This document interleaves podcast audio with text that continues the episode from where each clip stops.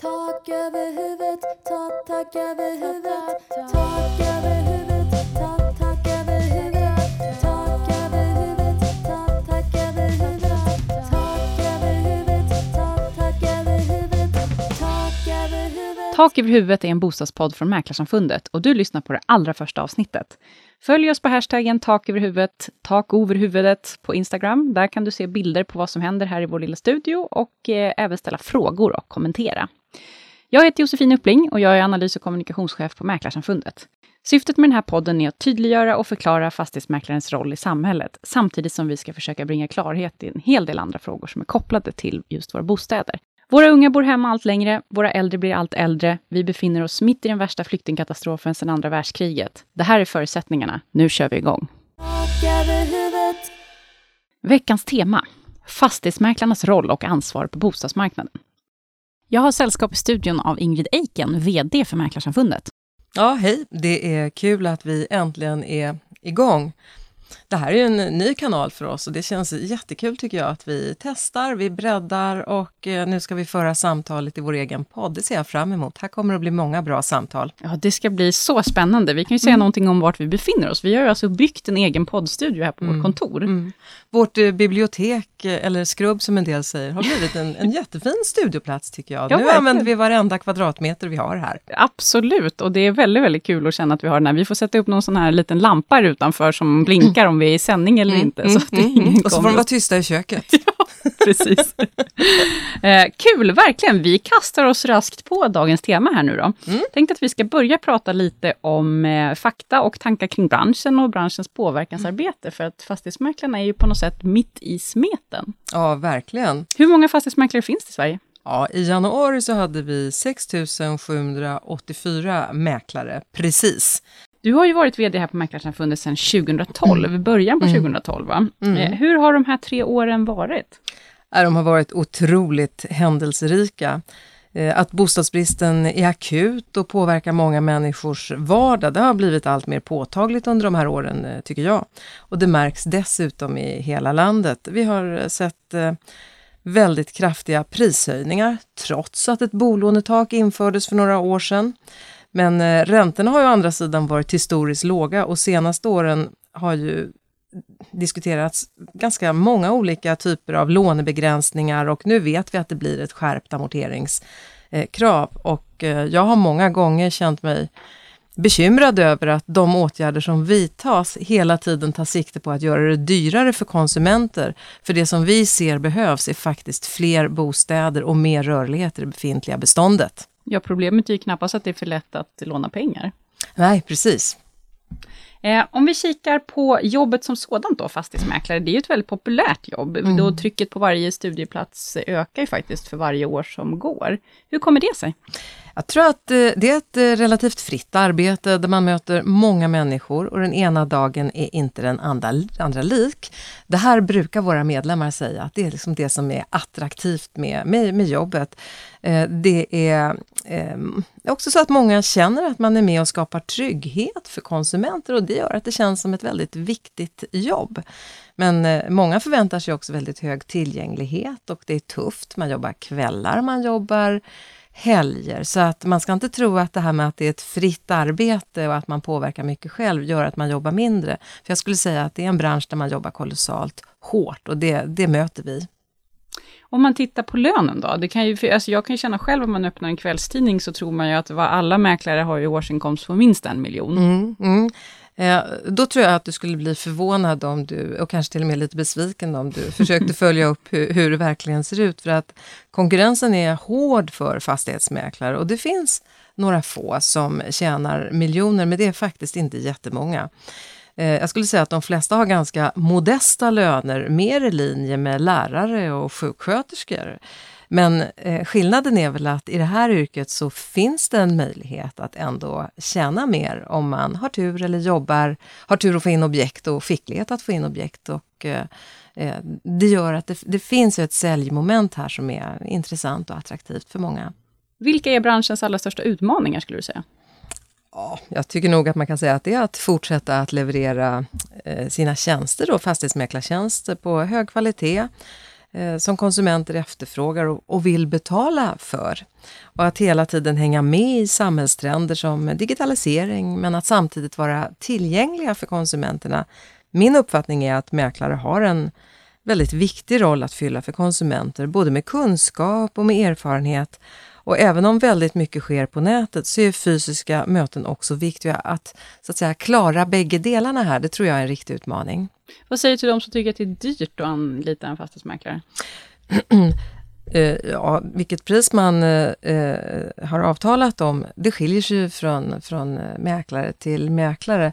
Men jag tycker att man betalar för tjänster. Det här är en viktig, en, en viktig sak för att skapa trygghet. Och eh, vi märker ju att det pågår en debatt om att det är väldigt dyrt att anlita fastighetsmäklare. Det tycker inte jag. Det är för många, många familjer den allra största affären man gör i sitt liv. Och det handlar också om att ingenting ska gå fel. Man vill genomföra en, en trygg affär eh, som man inte får problem med efteråt och man vill veta vad man har för skyldigheter och, och rättigheter så att ingenting går, går snett.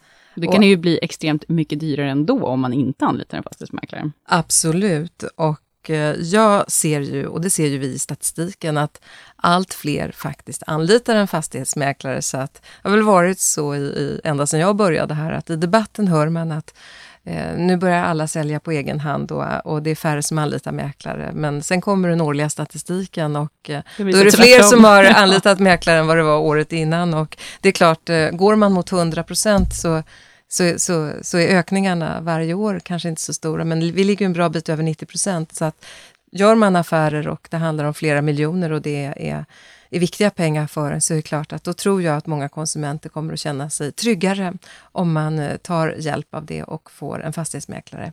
Eh, det är ju inte konstigt att, att alltså, man vänder sig till experter, man har ju någonstans även vi med lätt hybris vänder oss ju till de som vi tror kan saker bättre än vad vi själva kan. Mm. Jag brukar inte operera mig själv så ofta och jag håller inte Nej. på att renovera badrummet. Nej. Tandläkaren, sköter du den själv? du kan få komma till mig om du vill.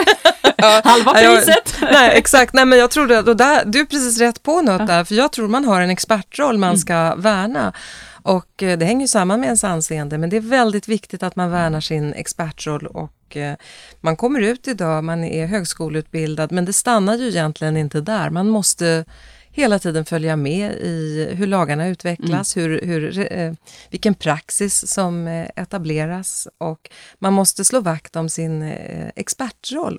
Det är väldigt många sakpolitiska områden som skär genom bostadsmarknaden och med tanke på den här bostadsbristen som råder och, och eh, som påverkar i snart sett alla människor så skulle vi väl kunna prata om det mesta. Men vi brukar säga att vi tycker att eh, eh bostads problemen på bostadsmarknaden är ett av vår tids mest komplexa samhällsproblem.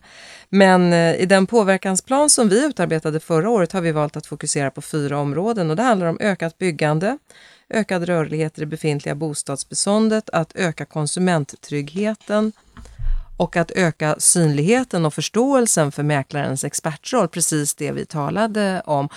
Eh, och, och, i det här ligger ju förstås också att vara en, en, en eh, remissinstans för beslutsfattare, att, eh, att vara en samtalspartner när man skriver utredningsdirektiv och att medverka till att det finns information och göra den tillgänglig för många.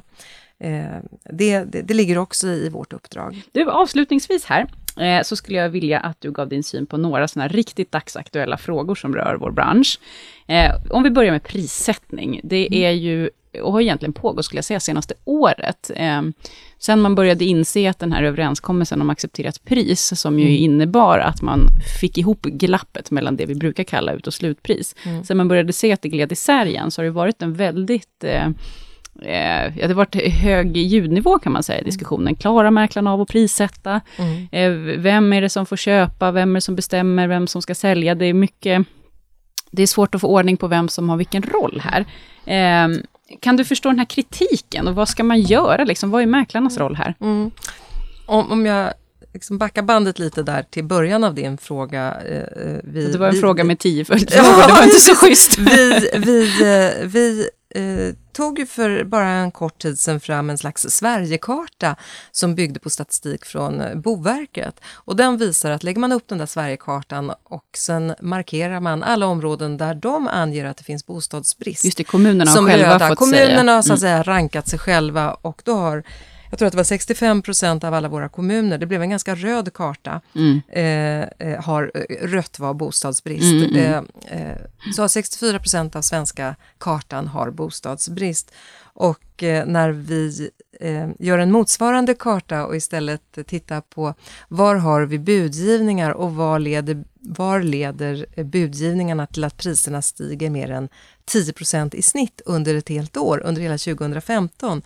Då tyckte jag att det var intressant att kunna bara konstatera att det råkar vara samma, samma kommuner och det här är Ja. lite att slå in öppna dörrar när man säger att, att om utbud och efterfrågan är i obalans och att, eh, att det inte finns tillräckligt mycket bostäder så stiger priserna på de Brist orterna. påverkar marknaden, Att brist, att, att eh, bristvara leder till högre priser, det, det känner vi i och för sig till. Men man kunde se det och eh, där är man framme vid, vid, vid att man, som man börjar säga att, att vi har brist på bostäder är inte mäklarnas ansvar.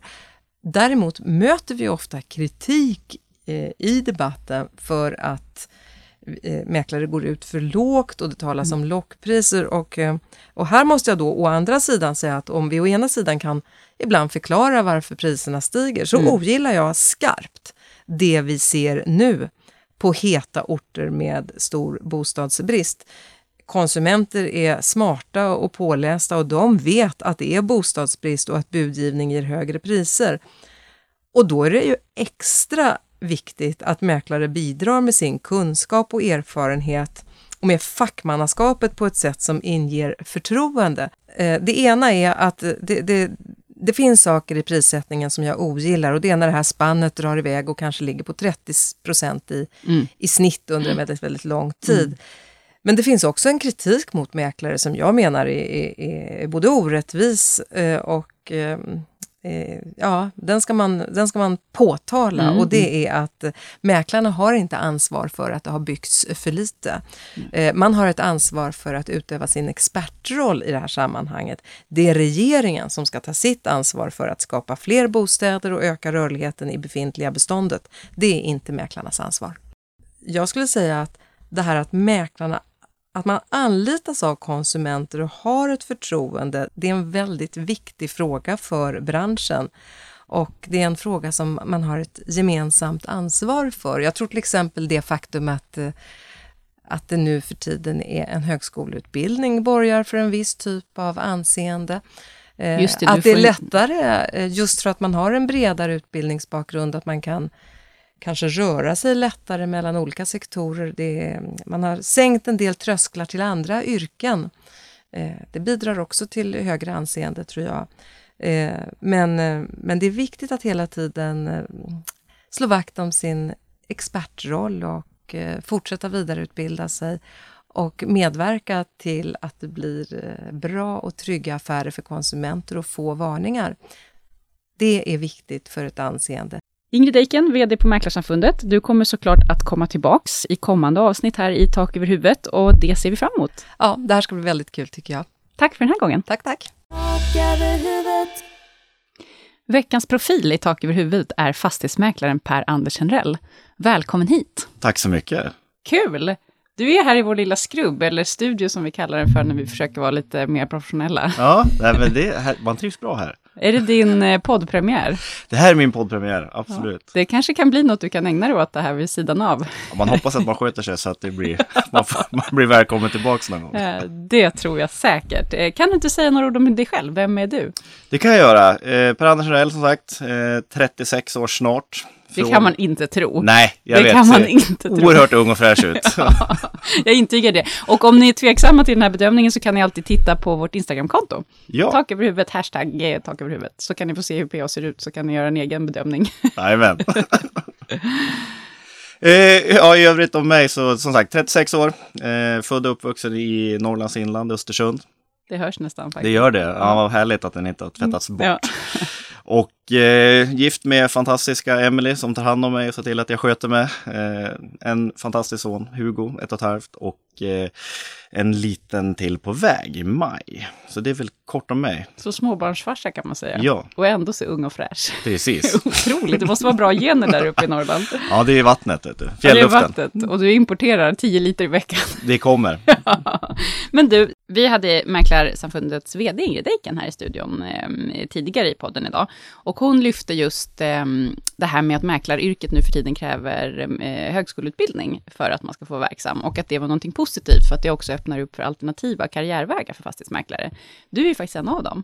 Ja, det är, man kan väl börja med att säga det att det är otroligt skönt att det är en högskoleutbildning för att bli fastighetsmäklare idag, tycker jag är jättebra. Eh, och eh, min väg har ju varit så att jag är född och uppvuxen i mäklarfamilj, i, eh, med familjeföretag i mäkleri, som många andra i den här branschen. Sönerna i familjen, dålig fantasi, tänker att vi gör precis som pappa, eh, följer i fotspåren. Och eh, utbildade oss till fastighetsmäklare båda två. Han är några år äldre än mig. Eh, så att jag började som fastighetsmäklare. Din pappa alltså, eller din... Nej, ja, han är några år äldre. Men din brorsa också. min bror är sju år Nej, äldre. nu får jag skärpa Ja. mig. Förlåt. Fortsätt be. Nej, ingen fara. Det är ju en väldigt bred utbildning och eh, mäkleriet är det är ett otroligt brett yrke. Du ska vara expert inom så många olika områden och eh, därför är det bra som sagt med högskoleutbildning och att, med, att man är inne och gnuggar i alla områden. Det är juridik och det är ekonomi och det är sälj och det är liksom hela, hela alltet. Så att det är oerhört brett. Eh, min väg har varit Östersund, mäkleri i sju år ungefär. Eh, flyttade sen till Stockholm, fortsatte mäkla.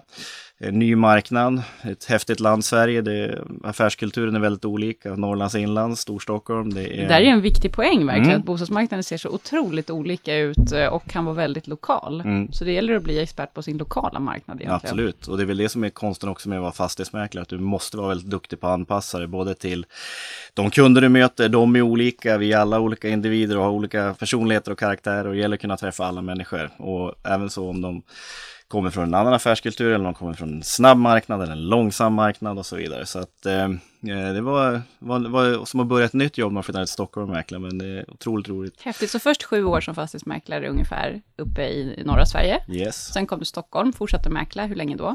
Eh, tre och ett halvt, nästan fyra år. Eh, och eh, sen gick jag vidare och eh, eh, blev headhuntad till ett, eh, och, för att bli marknadsansvarig. Just det, här på Mäklarsamfundet. Stämmer, stämmer, stämmer. Just det. Så att, Eh. eh, och eh, har gjort det i, gjorde det i tre år, bra Ja. precis. Och eh, sitter idag som försäljningschef på eh, en mellanstor kedja här i Stockholm. Vad tycker du har varit det värdefullaste med att få se olika perspektiv så här långt? Nej, men det är nog, alltså bredden, att man, det är väl också någonting som ligger i att, eh, ja, det här man väl blir mäklare också, då gäller det att kunna vara på, på flera olika sätt och, och liksom ändå liksom hitta, och man måste vara väldigt flexibel. Och, eh, som sagt, bred utbildning. Eh, man har varit inne och, och rört i mycket med marknadsföring och sådana saker. Mm. Så då när man klev in i en, i en marknadsroll så, så hade man ändå med sig det i bagaget. Man har också med sig de delarna från, från mäkleriet med, med allt med den marknadsföringen som är. Eh, så att, eh, eh, ja, en oerhörd bredd och att man har liksom verkligen haft nytta i det. Men sen är det, för mig har det väl alltid varit säljet som har varit eh, passionen. Mm. Mm, det är väl inte helt ovanligt bland fastighetsmäklare just att man går igång på själva affärsdelen på något vis. Men Ja, att den, den har många delar såklart. Nu ska du få rätta mig eller säga att jag har fel. Jag har en eh, hypotes. Ja, trevligt.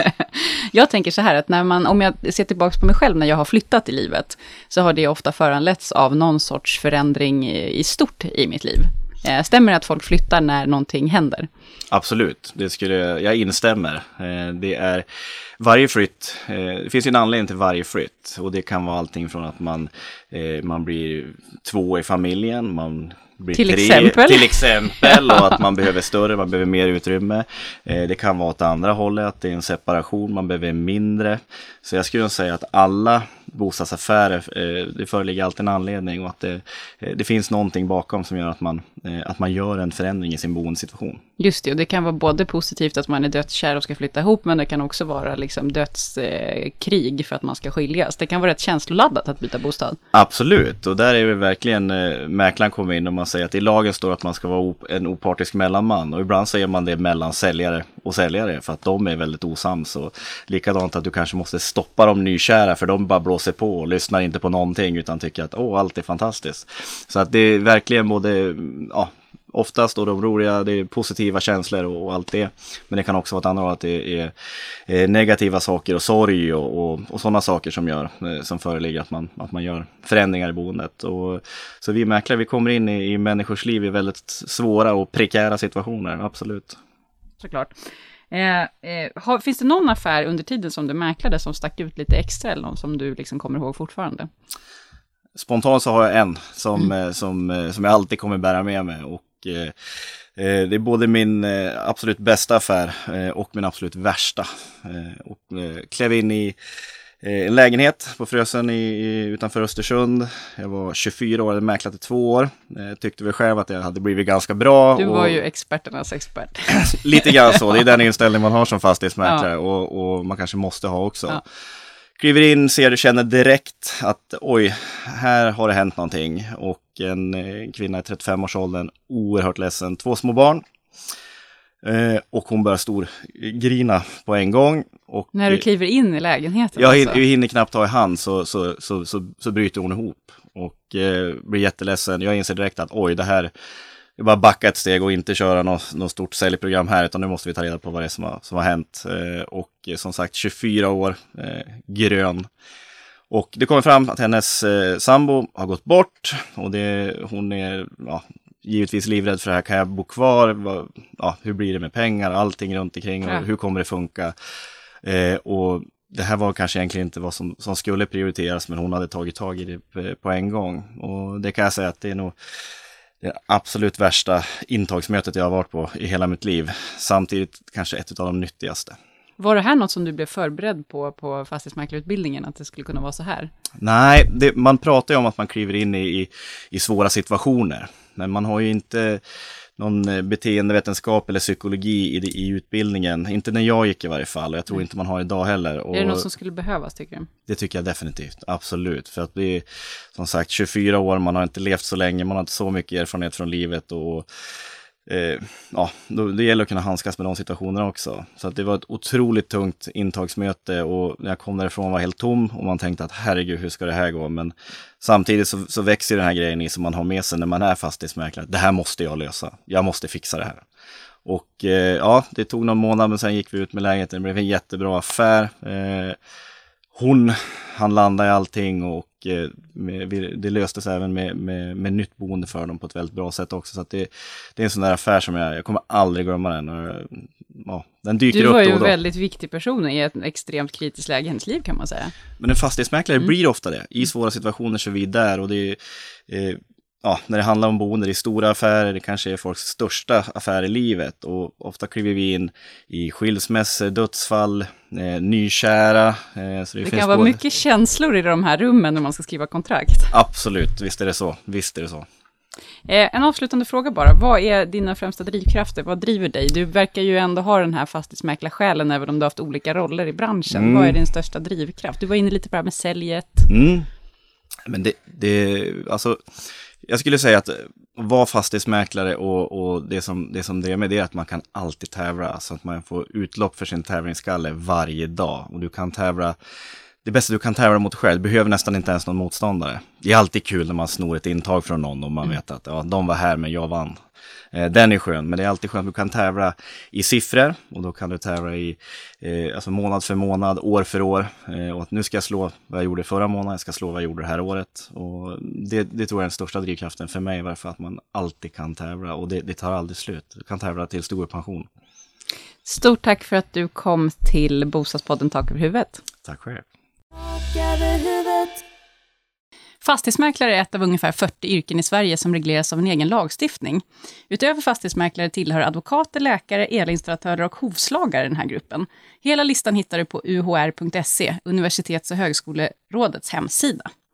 Det är fastighetsmäklarlagen som styr just fastighetsmäklarnas dagliga arbete. Och inte nog med det, branschen har också en egen tillsynsmyndighet, Fastighetsmäklarinspektionen. Jonas Anderberg, chefsjurist på Mäklarsamfundet, är med mig i studion här idag. Välkommen hit. Tack så mycket.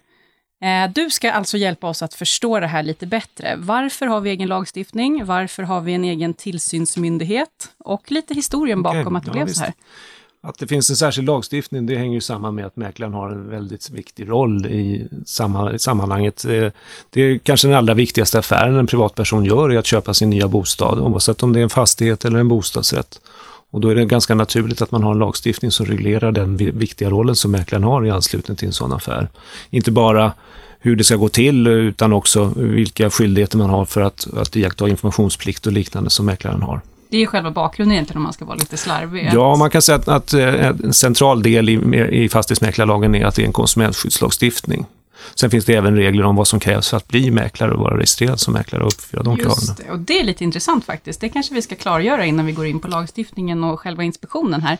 Vad är det som krävs för att man ska få jobba som fastighetsmäklare? Ja, man ska vara registrerad hos Fastighetsmäklarinspektionen som då är den statliga tillsynsmyndigheten. Och för att få, få registrering så måste, får man dels inte vara underårig, så man måste alltså vara myndig. Man får inte vara försatt i konkurs eller ha näringsförbud eller liknande. Man är också skyldig att ha en särskild ansvarsförsäkring som har en viss omfattning som lagen då föreskriver, eller finns i förordning närmare beskrivet. Just det, man får inte jobba alls om man inte är försäkrad. Nej. Och det är ju för att säkerställa att om mäklaren skulle ådra sig någon skadeståndsskyldighet så finns det en försäkring som täcker den skadeståndsskyldigheten. Man ska också ha en eh, tillfredsställande utbildning och eh, idag är det en två, tvåårig högskoleutbildning som krävs. Sedan 99 infördes det kravet. Just det, och då ser det ut som så att man läser ofta de här treåriga kandidatprogrammen ute på högskolan och universiteten och sen kan man egentligen hoppa av efter två år Ja, i, pra, i praktiken. Kravet är tvåårig eh, högskoleutbildning. Och sen ska man också ha för avsikt att vara verksam som fastighetsmäklare. Det vill säga man ska ha som uppgift att, att eh, förmedla fastigheter och bostäder. Okej. Och man ska också vara redbar. Det är ett krav för att mäklaren då ska kunna iaktta skyldigheter enligt bokföringsregler och liknande. Vad spännande. Vem är det som gör den här redbarhetsutredningen? Det görs ju då i samband med att man ansöker om registrering så, så ja, Fastighetsmäklarinspektionen att kontrollera Ja. Och sen kan det ju naturligtvis komma upp under, under resans gång om man blir påkommen med något bokföringsbrott eller liknande. Så Ah, kan det Men det är inte personliga intervjuer liksom? Nej. Nej. Det är inte Eva Westberg som gör eh, den personliga bedömningen? Men man tittar naturligtvis mycket i register och liknande. Ja, såklart.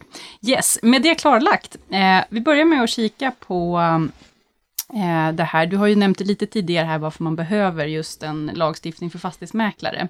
Eh, Mm. Om vi kikar vidare då på historien bakom, alltså hur kom den här lagen till? Ja. Hur landade man i det här beslutet? Går vi riktigt långt tillbaka så fastighetsmäklarrollen har ju varit en, en central roll, har funnits under många, många århundraden. Men tittar vi i lite modern tid så på 40-talet, så fann, från 47 så kunde man eh, få en auktorisation hos landets handelskammare. Var möjligt att auktorisera sig. Det var ett 30-tal, av, eller 30 procent cirka av de då verksamma fastighetsmäklarna som valde att göra det.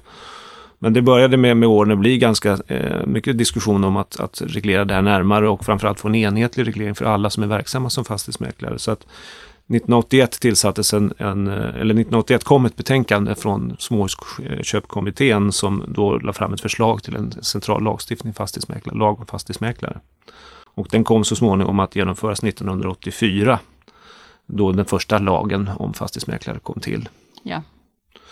Och då infördes den här registreringsskyldigheten. Men då var det inte Fastighetsmäklarnämnden som var aktuell, utan på den tiden så var det länsstyrelserna som skötte registreringsskyldigheten. Ah, så först var det handelskamrarna och då var det bara 30 procent ungefär av Ja. kåren och sen gick ansvaret vidare till länsstyrelserna. Ja, Och hur såg det ut då med antalet? Var det samma, eh, var det lika, var det lika lågt antal då? som, som, då var det ju hela kåren och det var ett fem, Ah. cirka 5 000 eh, fastighetsmäklare som var aktuella. Då. En del av de här då fick gå med i nya lagstiftning med övergångsregler som hade varit auktoriserade tidigare, så rakt in i, i de nya reglerna så att säga, utan särskild prövning. Eh, det här med länsstyrelserna och deras tillsyn, den, den var ju lite eh, svårhanterlig eftersom det var olika omfattning eh, i de olika länsstyrelserna, vilken personell resurs man hade, hur många som var verksamma i respektive länsstyrelse. Så, och det gav då följde med, följde med sig att, att det blev en ojämn praxis. En del länsstyrelser hade tillräckligt med, med ärenden för att få en kompetens, andra hade kanske bara något enstaka ärende.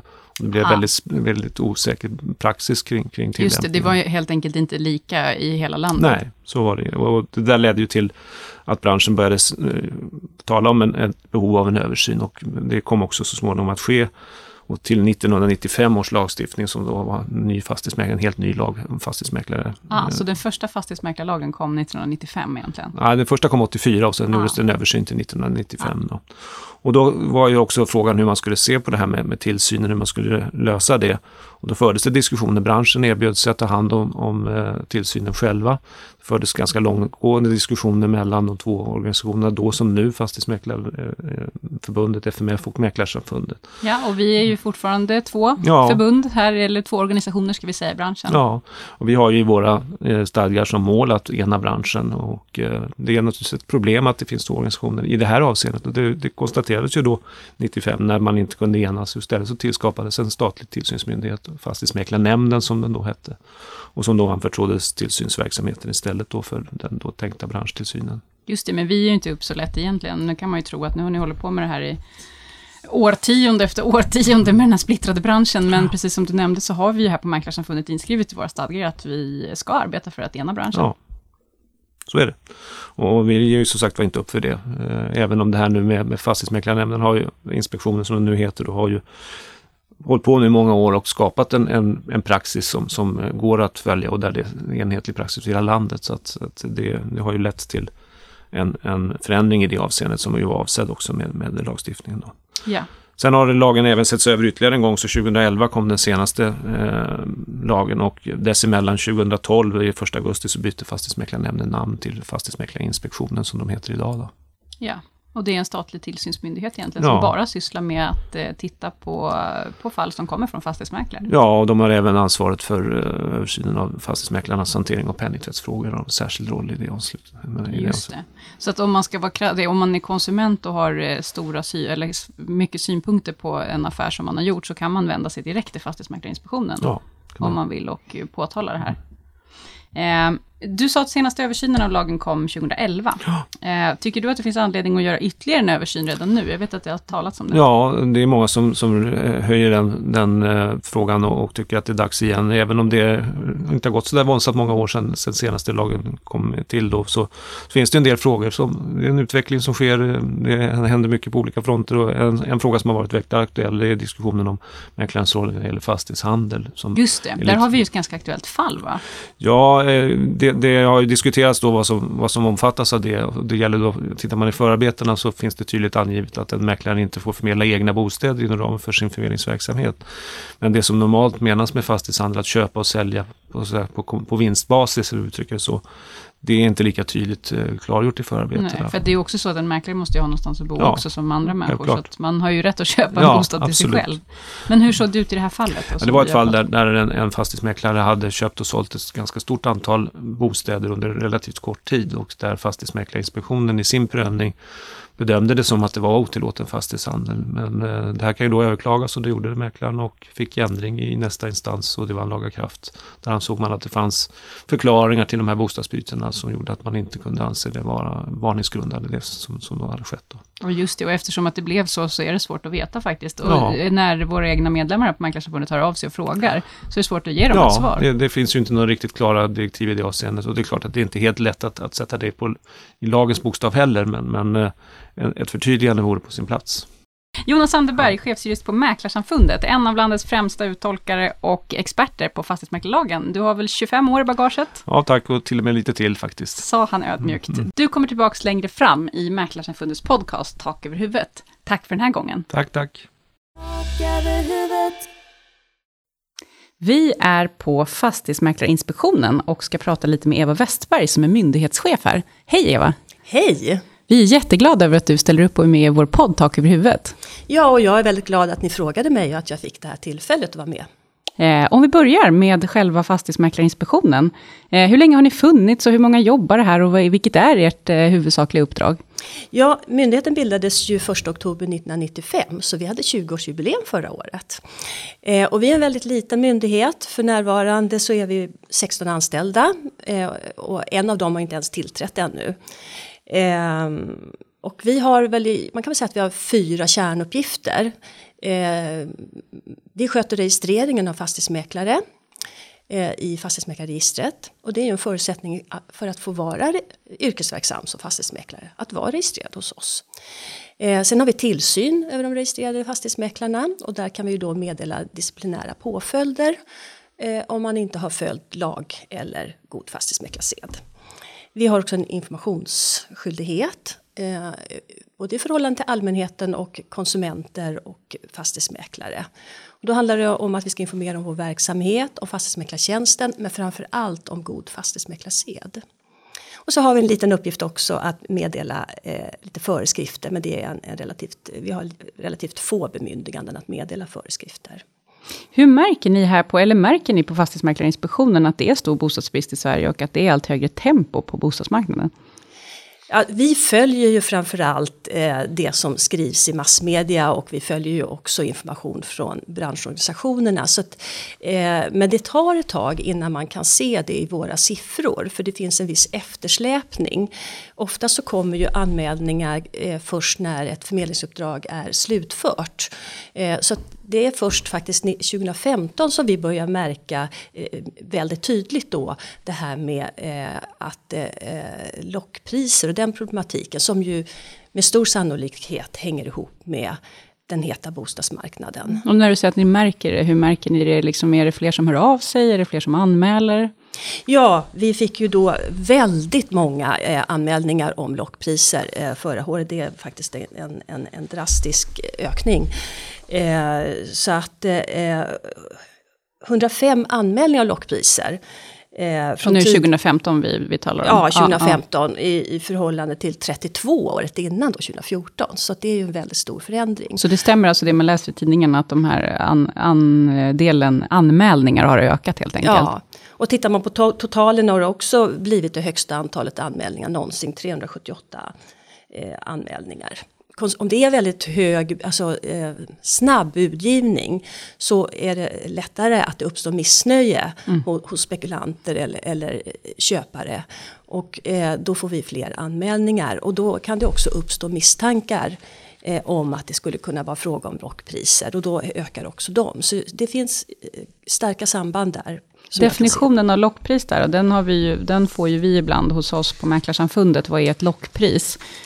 Um, vad skulle mm. du säga att ett lockpris är enligt er definition? Eller så som det ser ut i lagstiftningen helt enkelt? Ja, det, det är ju etabler, en etablerad eh, definition. Dels så framgår det av förarbetena men den är också fastställd av, av domstolar. Eh, och då ska det vara att ett förmedlingsobjekt eh, bjuds ut till ett pris som väsentligt avviker från det bedömda marknadsvärdet. Eller som väsentligt ligger under det pris som säljaren är beredd att acceptera. Så det finns en tydlig definition helt enkelt? Det, det finns en tydlig definition. Sen är ju svårigheterna snarare på bevissidan. Vi har ju bevisbördan för att, att visa att det här eh, beror på mäklaren.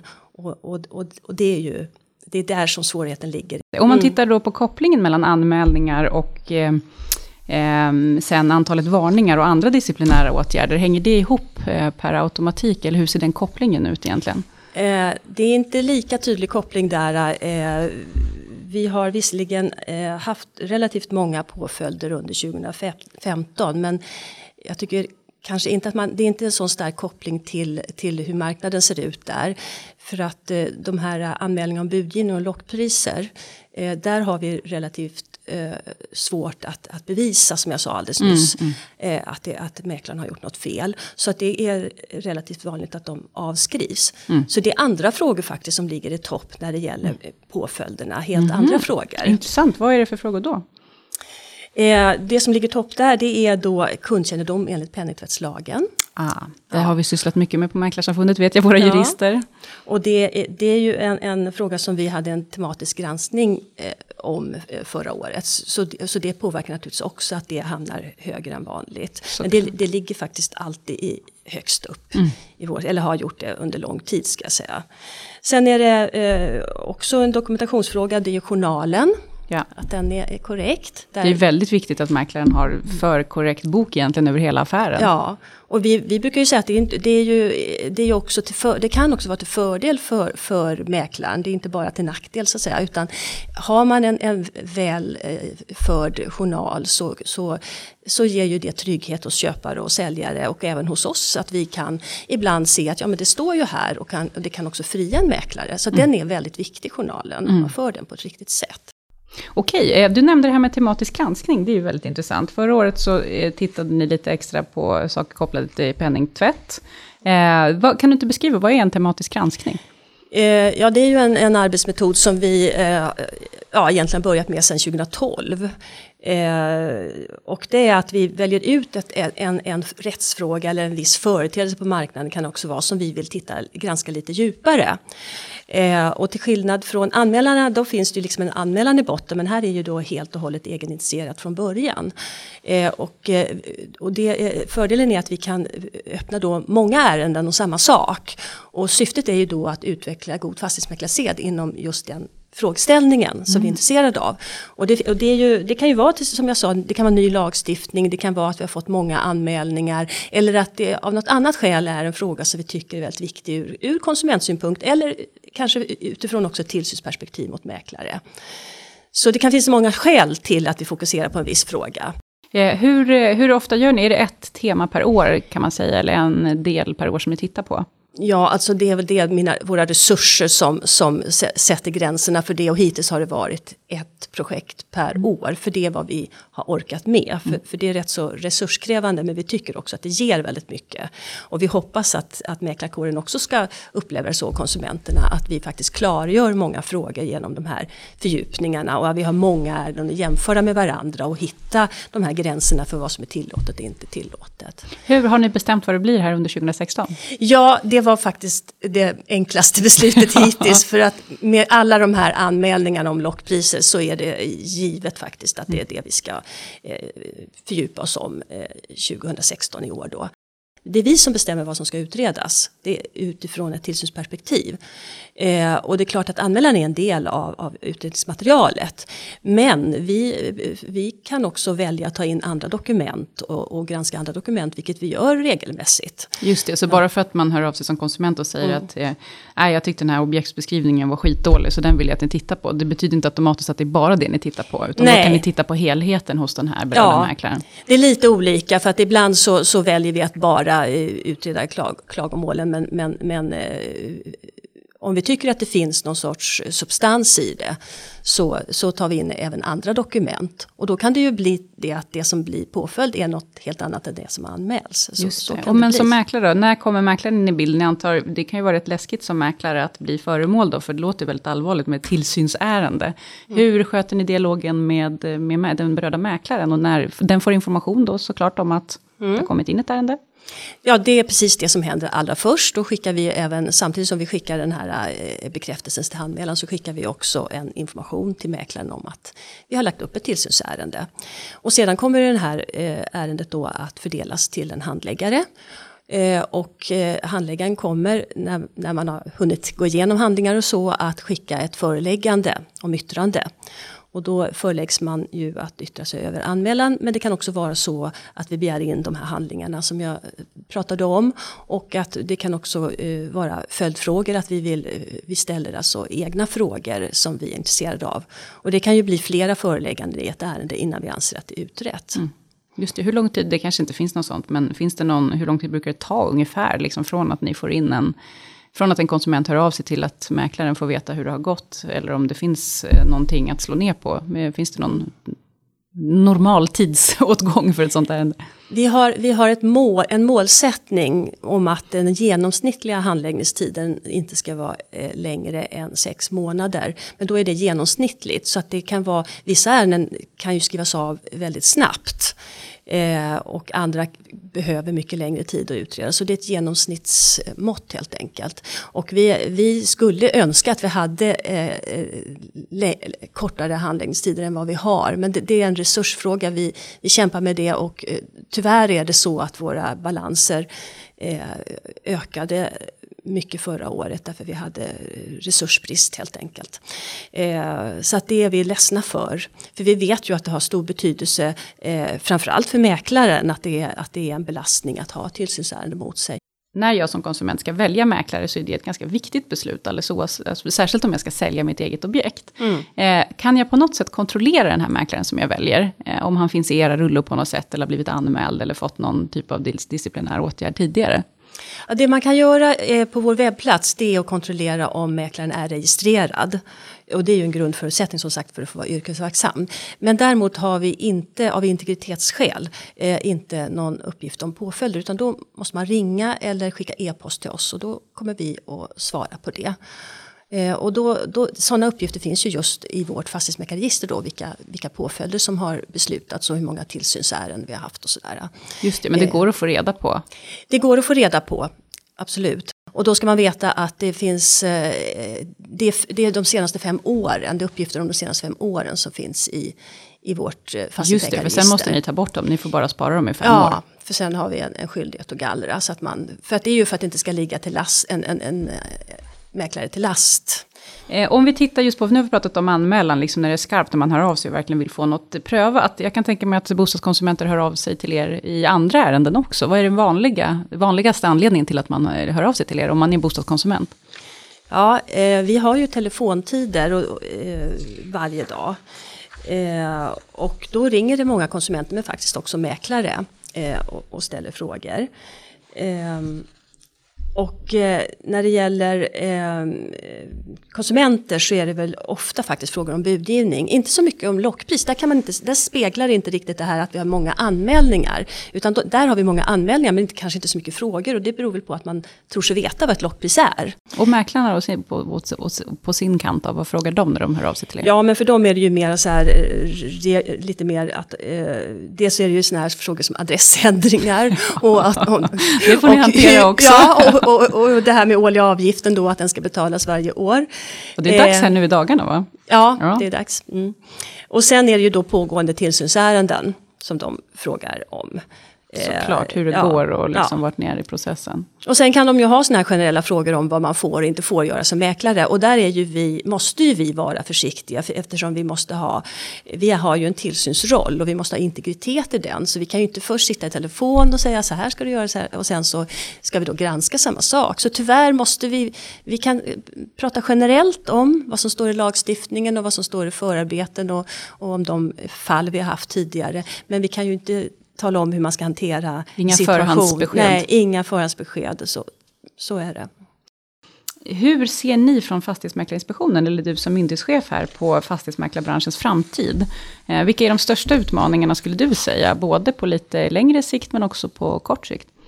Ja, jag, jag ska försöka svara på den frågan men jag är ju fullt medveten om att jag inte har den eh, kunskap och insyn som, en, som fastighetsmäklarbranschen har. Så att, mm, men ni får ta det utifrån ett Absolut, det är intressant med, tillsynsperspektiv. med det perspektivet också faktiskt. Mm. Men det är ju så att en fastighetsmäklare har en väldigt eh, viktig samhällsfunktion genom att vara den här opartiska mellanmannen eh, mellan parterna. Eh, och eh, de ska ju då, deras professionella stöd behövs ju för att en sån här bostadsaffär ska kunna eh, skötas på bästa sätt.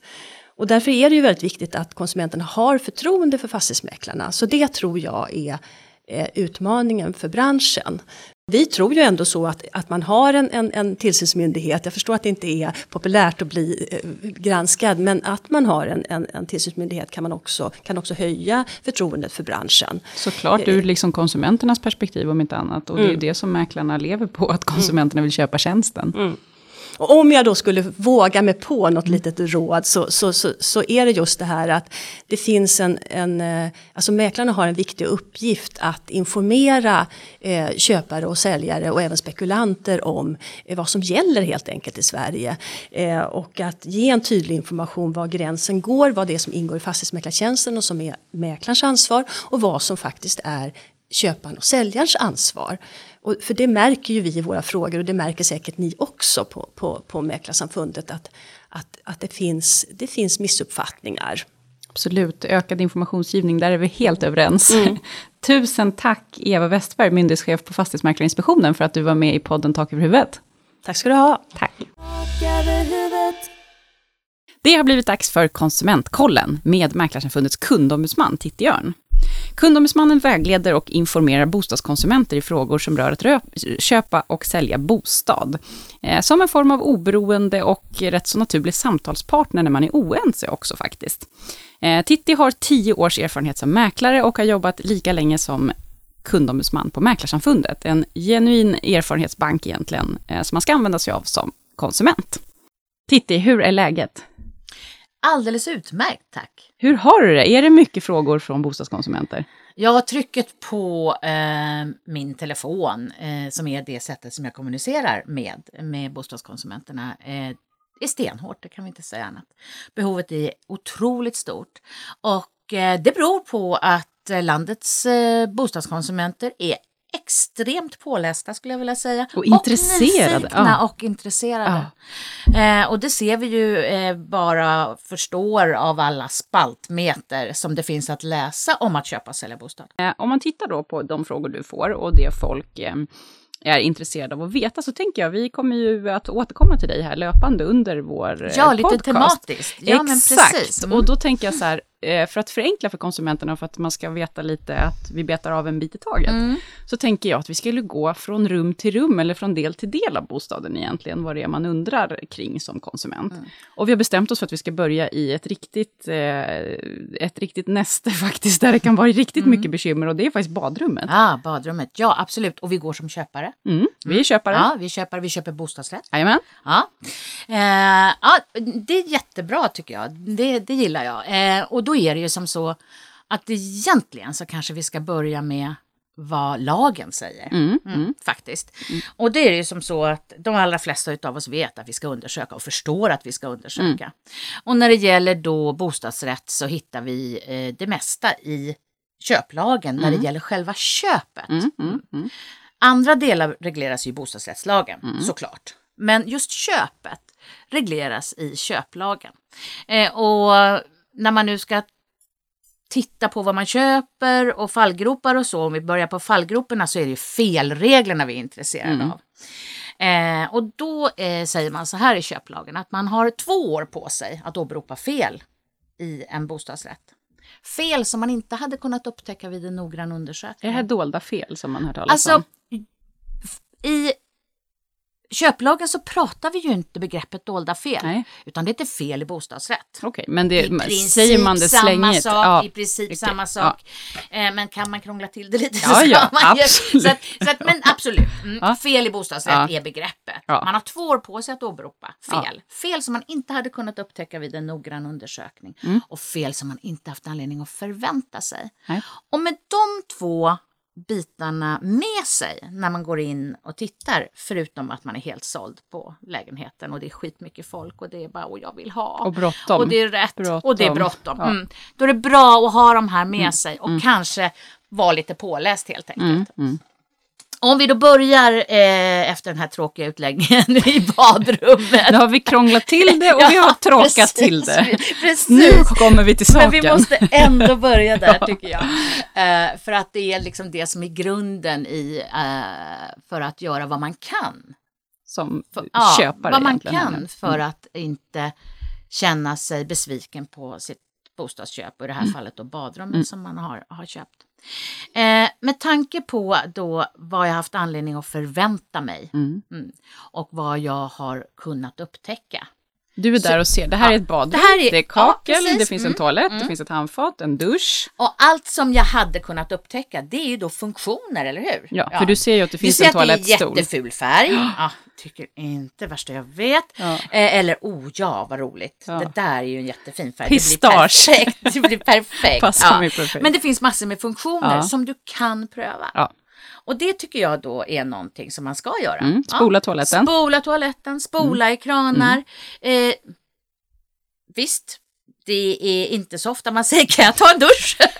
Men de facto är det så att egentligen Packa om, du lilla inte, vill- duschväskan. om du inte vill ta risken, så ja, om vi Ja. ska löjla oss lite, Ja. duscha. Det är ju skittråkigt med dåligt tryck i duschen. Om man ska Eller hur finns det ut. något värre? Du behöver alltså alla funktioner som du kan prova, Ja. ska du kunna prova. Ja, för, sen- sen, för annars är det din sak. Liksom, du hade en möjlighet att titta, du gjorde inte det. Skyll dig Annars själv. har man skaffat sig uppförsbacke redan Ja. från början. Mm, Då är du i mm. alla fall på den säkra sidan om att du vet att det här Mm, var mm. inte riktigt bra. Nej. Och du kan säga, jag vill köpa den här lägenheten, men då vill jag att ni fixar det här. Ja. Och det finns också möjlighet för dig att säga, finns det förutsättningar överhuvudtaget att förändra det här? Exakt, handdukstorken funkar inte. Är det liksom Precis, fel då- på den ja. eller? Eller är det så att det går inte att få en riktig Och då vill jag inte betala så här mycket. Då får ni dra av 10 000 det för medvetna handdukstorken. valet, det är ju där vi liksom, det vi hamnar i. Det är ju tydligt då alltså att det är olika lagar som styr vad du har för rättigheter och skyldigheter som säljare och köpare. Ja. Eh, hur, finns det några konkreta exempel på det här, som köpare till exempel? Om du, eh, du tycker att du verkligen har varit där, du har testat de här funktionerna och liksom du är nöjd och glad och skriver på och köper lägenheten. Finns det någon